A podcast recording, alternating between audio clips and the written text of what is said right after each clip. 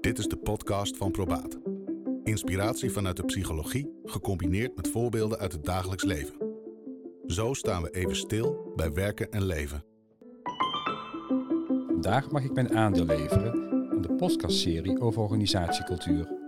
Ik ben Ruud van Hal, na ruim 25 jaar als manager te hebben gewerkt binnen verschillende non-profit organisaties, nu als coach en therapeut werkzaam. Ik neem jullie mee in mijn zienswijze organisatiecultuur. Een moeilijk grijpbaar thema, juist daarom zo interessant. Een aantal jaren terug heb ik in mijn masterstudie hier onderzoek naar gedaan. Ieder land of regio heeft een eigen cultuur of subcultuur. We kennen ook een organisatiecultuur. Dit is een belangrijk onderwerp als het gaat over leiderschap. Het wordt vaak als ongrijpbaar en wollig gezien. Het gaat over de ongeschreven regels die in de muren van een organisatie zijn gegoten. Cultuur is geen gedrag, maar het kan wel in gedrag tot uiting komen. Het zijn de gezamenlijke normen en waarden en de daarop gebaseerde keuzes van een groep medewerkers binnen een organisatie of een onderdeel daarvan. Het klopt dat er binnen een organisatie sprake kan zijn van verschillende subculturen.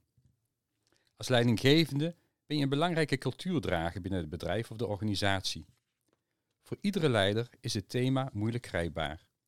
Het is immers gewoon. Zo doen we dat altijd al. Cultuur is als de zuurstof in een ruimte of het water voor een vis. Pas als het er niet is, word je jezelf bewust van het bestaan. Je hebt als leider een doel voor ogen waar je met je team naartoe wil werken. En of dat gaat lukken, wordt voor een deel beïnvloed door de bedrijfscultuur. Een grote valkuil is te denken dat jij daar als leidinggevende geen last van hebt. Onderzoek laat zien dat nieuwe medewerkers na drie maanden al besmet zijn met de organisatiecultuur. Dat kan dus positief en negatief uitpakken. Het fundament van een organisatiecultuur wordt gelegd door de oorspronkelijke initiatiefnemer van de organisatie. Jaren later kan de cultuur nog sterk van invloed zijn, terwijl het niet meer passend is bij de doelstelling van die organisatie. Organisatiecultuur geeft richting aan of komt tot uiting in gedrag. Een organisatiecultuur bestaat uit talloze geschreven en ongeschreven regels binnen een organisatie, die aangeven welk gedrag er van iemand wordt verwacht en welk gedrag wordt aangemoedigd en beloond. Cultuur of ongeschreven regels helpen iemand te overleven en succes te hebben in zijn of haar werk. Cultuur binnen een organisatie is niet goed of slecht, maar kan belemmerend of bevorderend werken. Volgens Reen ten Boer, destijds werkzaam voor Schouten en Nelissen, is een organisatieverandering moeilijker dan men in het verleden dacht. Duidelijk is dat een structuurverandering niet voldoende is om tot organisatieverandering te komen. Hij geeft aan dat cultuur maar gedeeltelijk te organiseren is.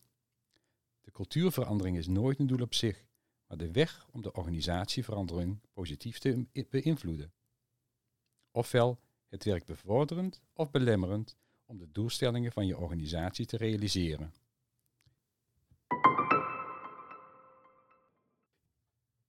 Dan komen we nu meer naar de praktische kant. Zelf ben ik, ben ik jarenlang werkzaam geweest als leidinggevende in het hoger management binnen verschillende non-profit organisaties. Na een van mijn overstappen ben ik gaan werken in een erg vooruitstrevende landelijke non-profit organisatie. In tegenstelling tot eerdere ervaringen was daar geld genoeg en toch werkte er iets niet. Er was sprake van een extreem hoog ziekteverzuim en veel onvrede bij klanten. Dat zette mij aan het denken. Er was geld en een breed gedragen visie. Er moest dus nog wat anders zijn. Op dat moment ben ik me tijdens mijn masterstudie gaan verdiepen in organisatiecultuur. Door daarop te sturen lukte het om de organisatie gezonder te krijgen. Dit proces werd vanuit meerdere invalshoeken aangevlogen. De ongeschreven regels of organisatiecultuur vindt haar oorsprong in een vijftal punten. De stichters van de organisatie, de geschiedenis van de organisatie, de motivatie van medewerkers om daar te willen werken, het management of de leidinggevende van de organisatie en de wijze waarop ze zich gedragen, en de interpretatie van de formele beleidsregels. Als management en leidinggevende heb je dit maar gedeeltelijk in de hand. De overdracht van de organisatiecultuur vindt plaats door Een viertal punten. Door het voorbeeld van het management en leidinggevende. Door middel van werving en selectie, vooral gericht op gelijke stemden. Door interne scholing en training. Door socialisatie of al aanpassing van de nieuwe medewerker aan de situatie. Werk aan organisatiecultuur geeft per definitie weerstand. De organisatiecultuur geeft aan medewerkers veiligheid. Zo doen we het altijd. Is organisatiecultuur dan negatief? Nee. Er is altijd sprake van een organisatiecultuur. De inhoud daarvan kan jarenlang erg goed werken. Maar als je wil veranderen of als je organisatie wil laten meegroeien, kan het je belemmeren. Je doelstellingen zul je dan minder snel kunnen halen. Ervan uitgaande dat een organisatie een bepaalde levenscyclus kent, kun je zeggen dat iedere fase haar eigen organisatiecultuur vraagt. Vooral het meegroeien hiervan is een uitdaging om te managen. Juist omdat een organisatiecultuur vaak jarenlang ondergronds blijft voortbestaan, terwijl er eigenlijk al lang voor gekozen is dat het formeel anders moet. Een organisatiecultuur breng je in beeld door de verborgen motivatoren van medewerkers in beeld te brengen. Het gaat dan om wat is de echte reden dat mensen doen wat ze doen binnen jouw organisatie. Verder is het van belang de machtgevers in kaart te brengen. Wie binnen de organisatie straffen en belonen. Maak hierbij onderscheid in het formele en het informele. Verder is het van belang te weten wat maakt dat de een, de, de een eerder of later gestraft of beloond wordt. Door middel van de interviewmethode is hier goed zicht op te krijgen. Het bijzondere is dat de bewustwording alleen al een verandering geeft. Proeftijdgesprekken, functioneringsgesprekken zijn ook helpend. Sturen op de motivatie van medewerkers is van belang. Hierbij ligt de kracht in het selecteren van medewerkers als ze in de inhoud van hun werk de beloning kunnen halen. Loopbaanbeleid en aannamebeleid heeft hier grote invloed op. Ik ben er een grote tegenstander van om mensen aan te nemen die overgekwalificeerd zijn. Je zal dan geen beloning meer vinden in de groei in je functie. Dit nodigt niet uit tot gemotiveerd te raken in je werk. Je weet immers al en zal niet veel groeien op basis van de inhoud van je werk. Ook ben ik om die reden er geen voorstander van als medewerkster lang in een functie te blijven. 15 jaar lang is naar mijn idee veel te lang. Hoe vreemd het mogelijk ook voor je klinkt, maar binnen organisaties wordt in veel gevallen nog gewerkt met straffen en belonen. Belangrijk is dat medewerkers zelf de beloning uit hun werk of persoonlijke groei gaan halen. Nieuwe medewerkers hebben de eerste maanden goed zicht op wat binnen deze organisatie anders is. Wat kenmerkend is voor de organisatiecultuur van deze organisatie. De meeste nieuwe medewerkers zijn wat bescheiden om hier veel van te zeggen.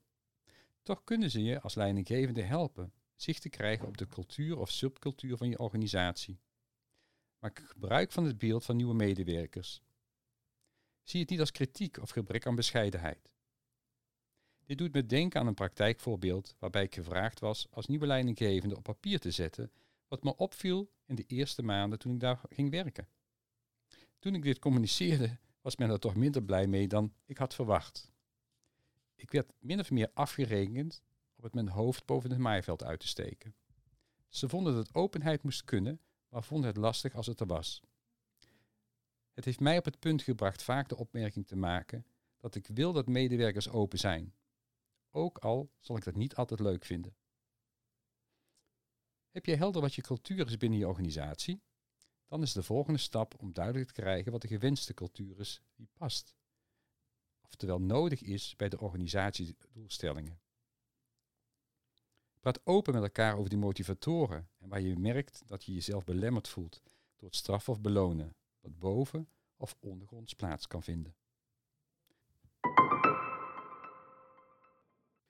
Je kijkt op je eigen manier naar de situatie als jouw werkelijkheid.